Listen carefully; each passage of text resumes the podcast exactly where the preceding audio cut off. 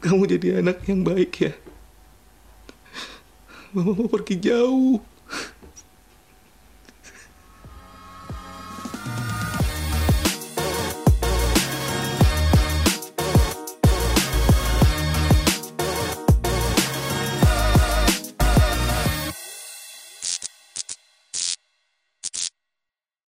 Kok gitu sih? Lo kok marah? Jangan gitu sayang Jangan gitu sayang Yuk kita mulai. Bro Bekti is in ruang sandi. Terima Bekti, kasih Bekti my Bang bro, selalu Yes. kelihatan ceria. Apa nih resepnya nih? Resepnya think positif dan dari kecil udah seneng banget itu kalau udah ditanggep sama keluarga gitu ya dijadiin badut lah gitu ya kalau boleh dibilang seperti itu jadi seneng banget ngeliat orang tertawa seneng orang bahagia nah itu emang dari dalam hati sih pak gitu jadi untuk bisa menularkan aura-aura positif gitu Nah, pendengar podcast Ruang Sandi nih, Hmm. saya kalau lihat Bro Bekti ini yang kepikiran nih orang super multi talenta banget sih. Luar biasa di bidang entertainment, juga model, jadi pengisi suara bisa, nyanyi juga keren, pembawa acara ahlinya, radio, sampai sekarang masih ya radio, acting, semua deh. You are clearly a superstar. Jadi kita senang banget hari ini ada di podcast uh, Ruang Sandi. Jadi untuk melalui beberapa tahap menjadi superstar sekarang ini katanya Bro Bekti ini udah mulai mencoba masuk ke dunia entertainment dari SMP ya. iya betul sekali Celana pendek, Bro. Iya betul. dari SD sebenarnya emang dari kecil tuh suka banget eh, nonton TV kan. Dulu waktu saya masih kecil memang saya dari keluarga yang sederhana. Bapak saya bekerja sebagai wira swasta begitu. Terus di rumah TV-nya itu yang lain udah pada berwarna. TV saya masih hitam putih. Itu sekitar tahun 80-an ya. Seneng banget nonton walaupun itu hitam putih berasa kayak berwarna di mata saya gitu ya. Acara-acara dulu masih TVRI doang kan, Pak. Ada Tanto Yahya waktu itu dengan gitar remaja Gitar. gitu Iya. kan. itu aku nonton tuh yang bener-bener wow, terus Aneka Ria Safari. Edi Sud gitu kan. Itu penyanyi-penyanyi itu semuanya akhirnya sampai aku seneng meniru-nirukan mereka gitu. Jadi Hmm. kalau di rumah itu suka ngaca sendiri, terus nyanyi-nyanyi sendiri, terus sama teman-teman kita bikin seolah-olah itu aku presenternya. Hadirin sekalian, kita sambut inilah dia penyanyi Meriam Belina gitu. Wow. Teman aku pakai baju ibunya gitu. terus muncul dengan apa sepatu hak sepatu hakan gitu kan. Terus eh, kan kalau di TVRI itu kan panggungnya ada asap-asapnya itu kan ya, Iya. smoke gun kan. Dulu kecil kita nggak tahu kan. Itu kita bakarin apa sampah-sampah apa biar ada asapnya gitu. Jadi itu seolah-olah itu asapnya gitu. Jadi kita udah udah mulai dari kecil mau ada sebuah buat panggung gitu loh. Dari kecil udah kepikiran itu. Jadi akhirnya saya kalau ditanya cita-citanya apa waktu kecil mau jadi artis. Kalau dilihat itu kan masa kecil yang sudah bisa membangun kreativitas. Tapi ada nggak sih hal yang yang nggak bisa dilupakan? Ya pastinya ya. Banyak banget eh, hal-hal yang nggak bisa dilupakan itu pada saat saya memang sedang apa pada waktu itu keinginan saya untuk menjadi artis begitu kuat gitu. Jadi maksudnya saya ikut-ikut teater ikut apa, lomba paduan suara ikut lomba-lomba modeling dan segala macamnya gitu. Dan itu memang eh, keinginan yang kuat dari diri sendiri gitu Papa mama sebenarnya ya udah silakan kalau misalnya mau eh, Mendukung menjadi- ya? mendukung dukung aja gitu. Cuman mereka tuh nggak yang nemenin, bukan mereka yang pengen anaknya. Jadi kan ada kan kalau zaman sekarang kan kayaknya ibunya yang pengen banget anaknya jadi artis gitu kan ya, jadi model atau jadi apalah gitu. Tapi ini saya sendiri yang berjalan sendiri dan pada saat saya sedang butuh-butuhnya eh, ya perhatian dari orang tua khususnya ibu, mama itu adalah orang yang sangat em, apa ya jarang sekali untuk memberikan ungkapan rasa bangga gitu. Pernah aku bawa pulang piala gitu. Dia sempat maksudnya aku kadang suka pulangnya agak eh, sore gitu setelah dari kegiatan sekolah terus saya ikut lomba dan saya pulang bawa piala. Dan waktu itu mama sih bilang eh, wah mama bangga banget nih lihat kamu nih kayak gitu. Dia lihat. Dan itu masih SMP dan pas waktu mau masuk SMA saya eh, masuk ke sebuah sekolah yang kalau boleh dibilang sih cukup biaya cukup mahal gitu. Tapi ya mama dengan segala keterbatasannya itu berusaha keras untuk aku masuk sekolah ini. Waktu itu untuk di SMIP Jaya Wisata jadi Oke. sekolah menengah industri pariwisata. Iya. nah pada saat itu ini yang paling paling ya lumayan terberat buat saya. Hmm, pada saat itu saya dianterin sama mama kita ke sekolah mendaftarkan diri dan itu butuh tes yang cukup sulit ya dengan menggunakan bahasa Inggris gitu. Iya. ternyata saya lolos.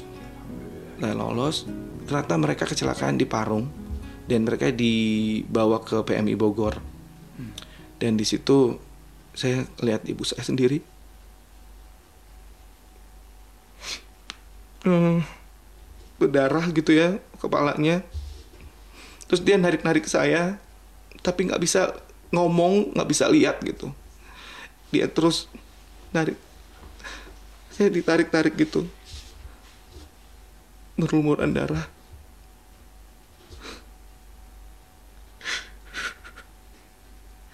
Itu saya ngeliat saya nggak kuat saya lihat mama seperti itu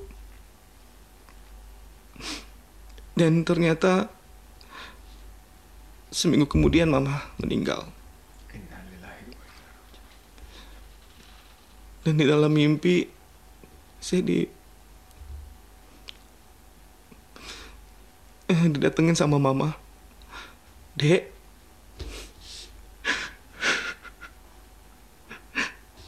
Kamu jadi anak yang baik ya?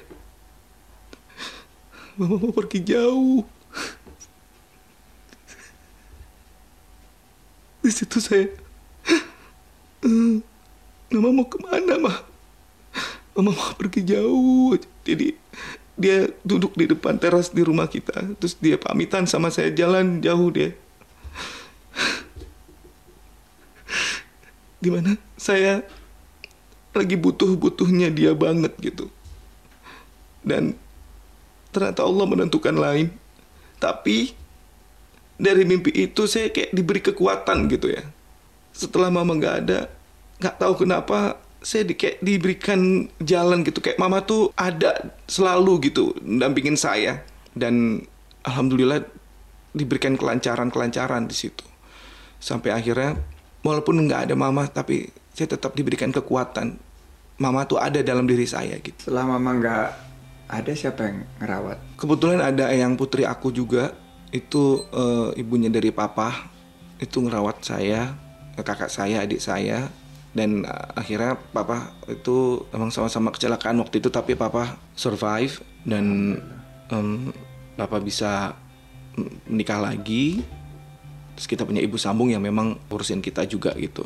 Aduh kalau nggak ada social distancing, I feel like I wanna hug you. oh. Pengen peluk gitu ya, ikut tentunya perjuangan waktu itu ya. Tapi kita balik lagi nih, pengen ada cerita nih kan. Kebetulan juga sepupu saya Deva Hmm. sama-sama sama Bro Bekti ini. Jadi model eh, sempat saking hitsnya sempat ditolak gitu ya di beberapa fashion show yang di mall-mall. Bener ya? Iya betul sekali. Sering banget kan eh, ikutan-ikutan modeling ini, modeling itu gitu kan fashion show, fashion show tuh bounty hunter gitu ya kayak eh, kita cari-cari hadiah dari situ gitu kan.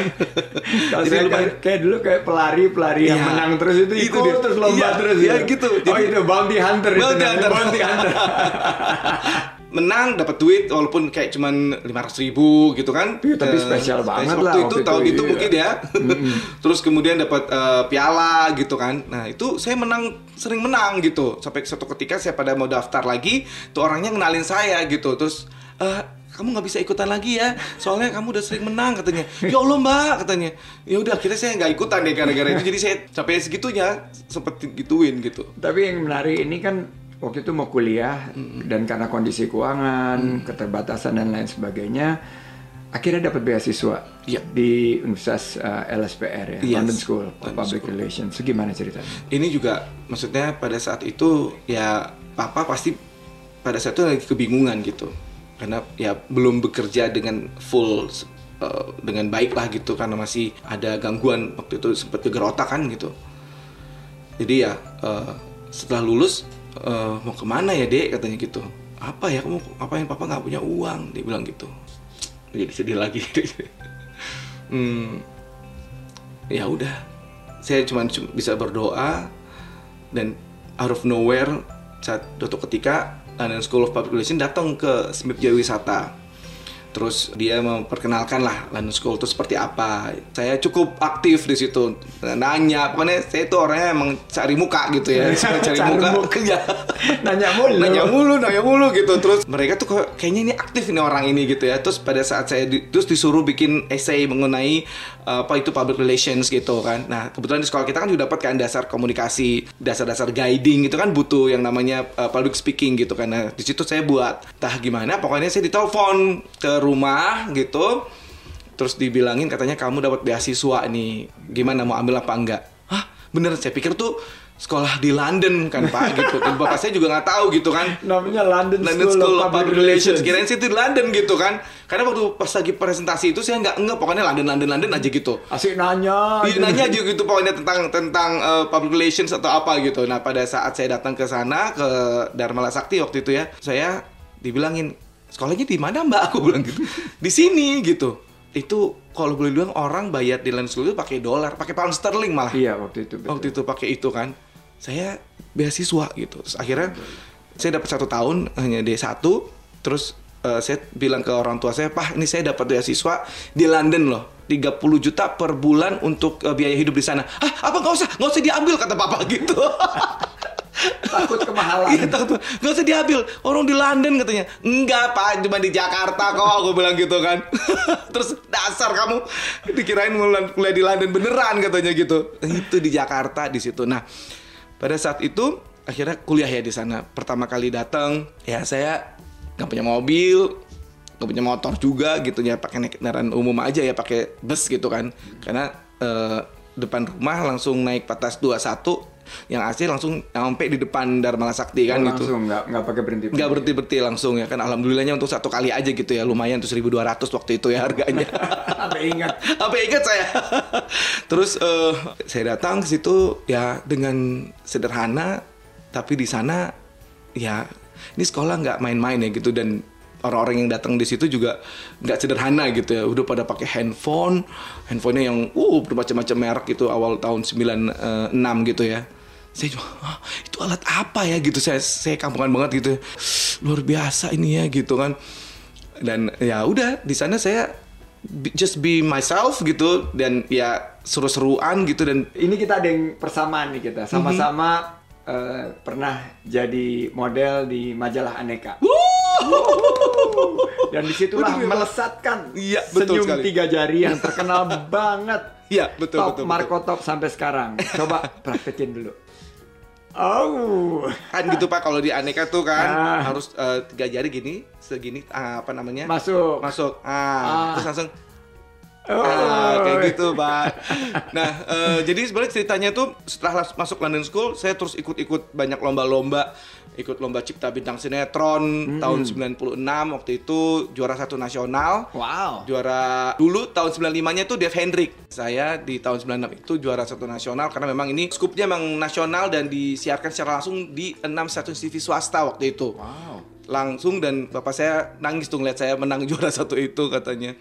Nggak nyangka. Dia nonton di ya. rumah, oh, dia nonton di rumah katanya ya ampun kamu bisa juara satu itu gitu dan waktu itu berharap jadi pemain sinetron kan pak gitu Iya. kan tapi ternyata belum rezeki belum ada yang manggil juga gitu Iya. pak jadi terus ya udah saya ikut casting casting lagi sempat yang casting casting terus jadi yang figuran gitu pak jadi dapat di ujung gitu ya Cameo, cameo. cameo cameo gitu saya ikut abang none Oh. tahun 97 nah ketemu sama Deva Iya. sepupunya eh, bang Sandi ya di situ kita satu angkatan nah pas eh, saya di Jakarta Timur itu wakil dua juara tiga ya pak ya itu masuk ke tingkat DKI kan provinsi tapi kalah pak yang menang tuh Deva gitu pak menang dia Belum rezeki. belum rezeki nah akhirnya saya mengisi suara di Candy Candy Iya. jadi pengisi suara Iya.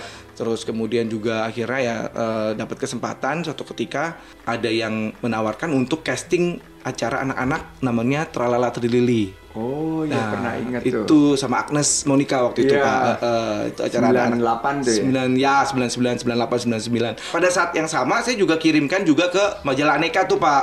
Nah, besok mau casting eh, malamnya saya tahajud. Hmm. Pada saat itu saya lagi nemenin yang saya lagi sakit. Terus hujan deras malam-malam itu saya minta sama Allah ya Allah semoga aku bisa jadi artis. Ya Allah besok aku mau casting dan besok aku bisa Dapat peran. dapat perannya dan bisa memperbaiki perekonomian keluargaku ya Allah aku bilang gitu. Dan besokannya ketemu dengan Agnesnya ketemu produser segala macam casting Em, hari itu casting hari itu diterima pak Alhamdulillah. Alhamdulillah that's my first time on TV akhirnya dan saat itu juga saya dapat kabar saya masuk final di majalah Aneka itu Waduh. jadi itu berturut-turut Itu Tahun- kesuksesan yang saling susul menyusul. Betul, ya? betul. Jadi di majalah juga, di TV juga akhirnya saling membackup itu semuanya. Tahun 2000 eh, akhirnya saya siaran radio. Terus 2001 saya nyanyi. Nyanyi juga. Ya, yang apa itu itu mimpi yang luar biasa pas aduh luar biasa banget. Akhirnya kita bisa bikin trio FBI namanya FBI. Fajar Baru Indonesia.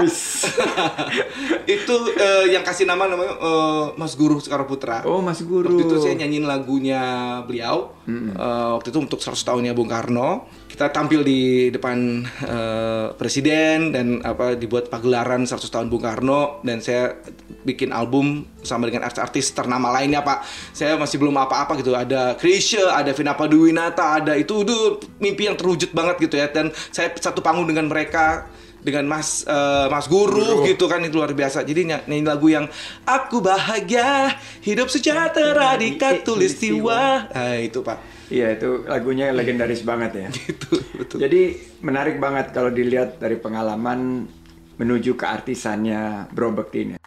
Sekarang Bro Bekti sudah sukses di dunia entertainment. Juga ternyata sukses berbisnis. Nah, Nah, ada business management artis, wedding organizer, nasi, nah si Bekti, kopi sampai beras Indra Bekti. Iya. Nah, ini nih yang menarik nih. Jarang loh artis yang bisnis beras. Biasanya Betul, kan artis bisnisnya yang yang wah gitu Iya, loh, yang iya, glamor. Tapi ini bisnis beras. Nah, sekarang bisnis beras di masa pandemik ini justru gimana? ada beberapa memang bisnis-bisnis saya akhirnya harus menyerah gitu ya. Eh, misalnya kayak event organizer saat ini nggak ada kegiatan gitu kan sama sekali. Kemudian juga untuk kuliner sendiri itu nasi bekti itu memang ada yang kita harus tutup. Kita ada eh, di beberapa cabang ada dua yang tutup di Cinere dan di Bintaro tapi di Tangerang di Poris masih ada. Out of nowhere itu ada dua cabang yang buka. Karena gini franchise kan itu di Bekasi Di tengah-tengah. Di tengah-tengah ya betul. Pandemi. betul. Betul. Blessing in disguise pak. Berkah ini. itu berkah. Tapi yang lain tutup ini buka gitu. Iya. dia buka. Tapi ya mungkin saat ini ya lagi sama-sama kebingungan juga lah untuk Iya, mereka ya semua tapi semua. Nah kok yang dilalah ini eh, beras ternyata malah lumayan pak kita malah kelim kewalahan untuk Bawa menerima berasnya? pesanan. wah bawa bener bener bener bener Oh dong, lihat nih. iya, Sekalian bener. buat bakso. Nah, bener, Pak. Buat baksos-baksos, Pak. Relawan Indonesia bersatu. Iya dong. Oh, ini dia. Berasnya. Aduh, pede sekali ya. ada muka saya ya kan Beras sehat BWI. ya beras sehat BWI Nah, ini Ini. Bekti. Ini yang 5 kilo ya. yang 5 kilo Tanpa 3P, Ya. tanpa pemutih, tanpa pewangi dan tanpa, Tanpa pengawet. Ah, Nah, ah. nama beras Indra Bekti ini artinya ada ternyata ya. Iya. Apa ya artinya? Ya? Artinya adalah beras Indramayu berkualitas tinggi. Wah. Kebetulan ibu saya kelahiran Indramayu. Oh. Kebetulan dan kita punya masih banyak eh, saudara di Indramayu. Di Indramayu. Iya. Monggo monggo loh ini beras Indramayu berkualitas tinggi. Beras Indra Bekti gitu. Jadi buat teman-teman pendengar eh, Ruang Sandi podcast ini ya saya juga bertanya-tanya dulu apa mungkin beras itu bisa di branding ternyata ini malah bisa di branding ya ceritanya Iya, gimana Berawal dari pengen banget bisa membantu para petani-petani lah Pak ya Iya. khususnya. Kok yang dilalah kita satu umroh nih bersama dengan eh, direktur salah satu direktur di Wah, PD udah BWI. Allah yang udah ngatur tuh Betul, ya umroh tuh Pak kita satu grup sama beliau Pak Surya namanya ngobrol-ngobrol gitu tentang beras. Saya saya eh, buat beras nih bekti gitu. Saya punya pabrik beras. Wah bagus tuh ya Pak ya. Eh, Bapak menolong orang banyak petani-petani gitu. Pengen deh saya punya niatan seperti itu gitu. Terus tiba-tiba pokoknya kayak dapat inspirasi, Pak, gimana kalau bikin beras artis, Pak? Beras belum pernah ada nih kalau Bapak ini pertama kali berarti beras Indra Bekti. Kan Bapak kerasnya dari Indramayu ya. Beras Indramayu berkualitas tinggi, Pak. Jadi itu bener-bener lain gitu. Wah, bagus tuh ya langsung ting Tung, ting, tung, ting, tung. Harus kreatif, Pak. Itu namanya light bulb moment. That's right. Oh, betul betul betul. Momen-momen uh, lampu tiba-tiba Oh, ting gitu. Dan akhirnya disambut dengan baik. Akhirnya dalam jangka waktu kurang lebih enam bulan lah setelah kita pulang dari umroh, langsung di follow up semuanya. Dan dengan direktur-direktur di sana pun juga dengan bupati di sana juga akhirnya setuju dengan ini dibuat brand beras Indra Bekti ini gitu. Ya ini umrah berujung rezeki melimpah. Nah, aduh alhamdulillah. Alhamdulillah. Jadi beras Indra Bekti ini juga ternyata membuka peluang bisnis, peluang usaha bagi para pemula dan kaum Yes. milenial ya. Bisa Iya. cerita nggak Mm-mm. paket-paket murah yang untuk para masyarakat yang berpenghasilan rendah bisa dijelasin nggak Ya. gimana caranya kalau mau join? Sekarang ini kita udah harus mulai berpikir bahwa udah jangan kita jadi karyawan lagi gitu istilahnya. Kita Iya. harus punya usaha sendiri gitu Iya. ya. Kita jadi businessman, businesswoman, entrepreneur gitu. Baru mulai dari dagang beras aja dulu deh, jadi pedagang beras. Mungkin nanti boleh nanti tanya langsung ke tim kami gitu ya, menjadi agen resmi. Nanti itu udah langsung dapat eh, displaynya Tertulis di sini, tertulis di Hmm, sini. silakan Silakan. tulis sini. ada nomornya, silakan nomor, tertulis silakan. sini. Nah, di situ bisa jadi agen, Pak.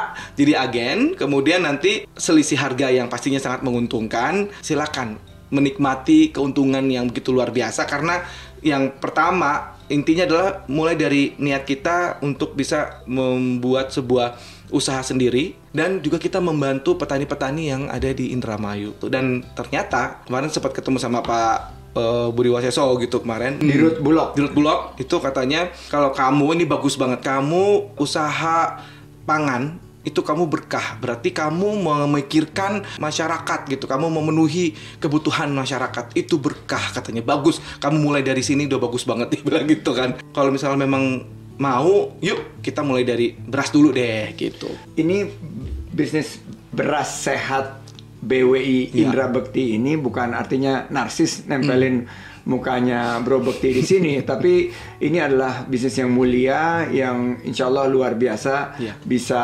memberikan peluang kepada masyarakat Betul. luas memulai usaha dan juga memberdayakan petani, Betul. mensejahterakan petani. yes Dan kebetulan juga ini yang sekarang lagi hits banget karena ekonomi berubah setelah pandemi ini. Betul.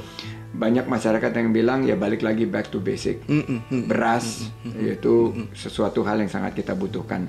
Jadi inilah para pendengar podcast Ruang Sandi satu inspirasi ilham dari bisnis beras Indramayu berkualitas tinggi. Nah, oke. Dari semua yang udah Bro Bekti lakukan ini ada nggak yang belum tercapai? ada pak Eh, saya punya cita-cita mau buat sekolahan Oh, sekolah. Hmm, sekolahan kayak Nyaingin ibu London, ya London School. Nada school bener kayak apa ibu punya juga punya duta bangsa duta ya? bangsa itu Ah. bagus banget itu Eh, kalau saya pengen school of arts gitu jadi Oh, performing art gitu Performing school of arts. performing art gitu jadi seni panggung gitu ya untuk mereka bisa tampil di panggung entah itu jadi presenter jadi eh, aktor penyanyi Iya. penari gitu jadi saya terinspirasi dari sekolahnya Panggar Ananda Aditya Gumai Oke. itu bagus banget. Aku juga berasal dari situ juga. Eh, dulu Mas Adit itu bikin Nenong Bocah Oh, oke, yang oke, iya, eh, ingat, ingat. menghasilkan Oki Lukman, Ruben Onsu, Olga tuh semua dari situ. Luar biasa. Terus saya tuh seneng banget untuk bisa menularkan apa yang Sharing, saya bisa. Iya betul. Untuk ibadah yang paling bagus itu adalah kalau misalkan nanti pada saat kita udah nggak ada, jadi saya pengen bagi dan saya pengen tularkan ke orang-orang yang memang benar-benar pengen bisa seperti saya gitu. Kalau dulu eh, mungkin susah sekali untuk bisa nyari sekolah-sekolah yang seperti itu gitu ya pak ya. Paling cuman teater-teater di sekolah, tapi pengen yang ini bener-bener serius gitu. Ya. Orang siapa pun bisa ikutan untuk mungkin bisa paling tidak berani tampil gitu. Ya, Indra Bekti School of Performing Arts. Yes. Nah, para pendengar podcast Ruang Sandi, sedari muda, Bro Bekti ini sudah menemukan apa yang dia suka. Passionnya itu dia dapat. Dan kesukaan ditambah usaha yang gigih. Yes. Melewati pasang surut, pasang surut, naik, turun, jatuh, bangkit. Uh, dan passionnya ini akhirnya membawa kita semua terhibur dengan berbagai cara Hmm. sampai menjadikannya seorang entertainer yang multi talenta. Terima kasih banyak nih. Terima kasih. untuk uh, teman-teman yang sudah bergabung, Bro Bekti yang sudah bergabung. Terima Saya kasih. juga ingin menginspirasi uh, teman-teman bisa jadi pengusaha Ya. dengan beras sehat BWI Indra Bekti dan saya yakin kita banyak belajar banyak dari pertemuan kita di diskusi podcast Ruang Sandi ini. Terima kasih banyak. Sukses terus Ya, untuk ini saya juga mau kasih buku nih Pak. Oh. Ah, ada buku ini.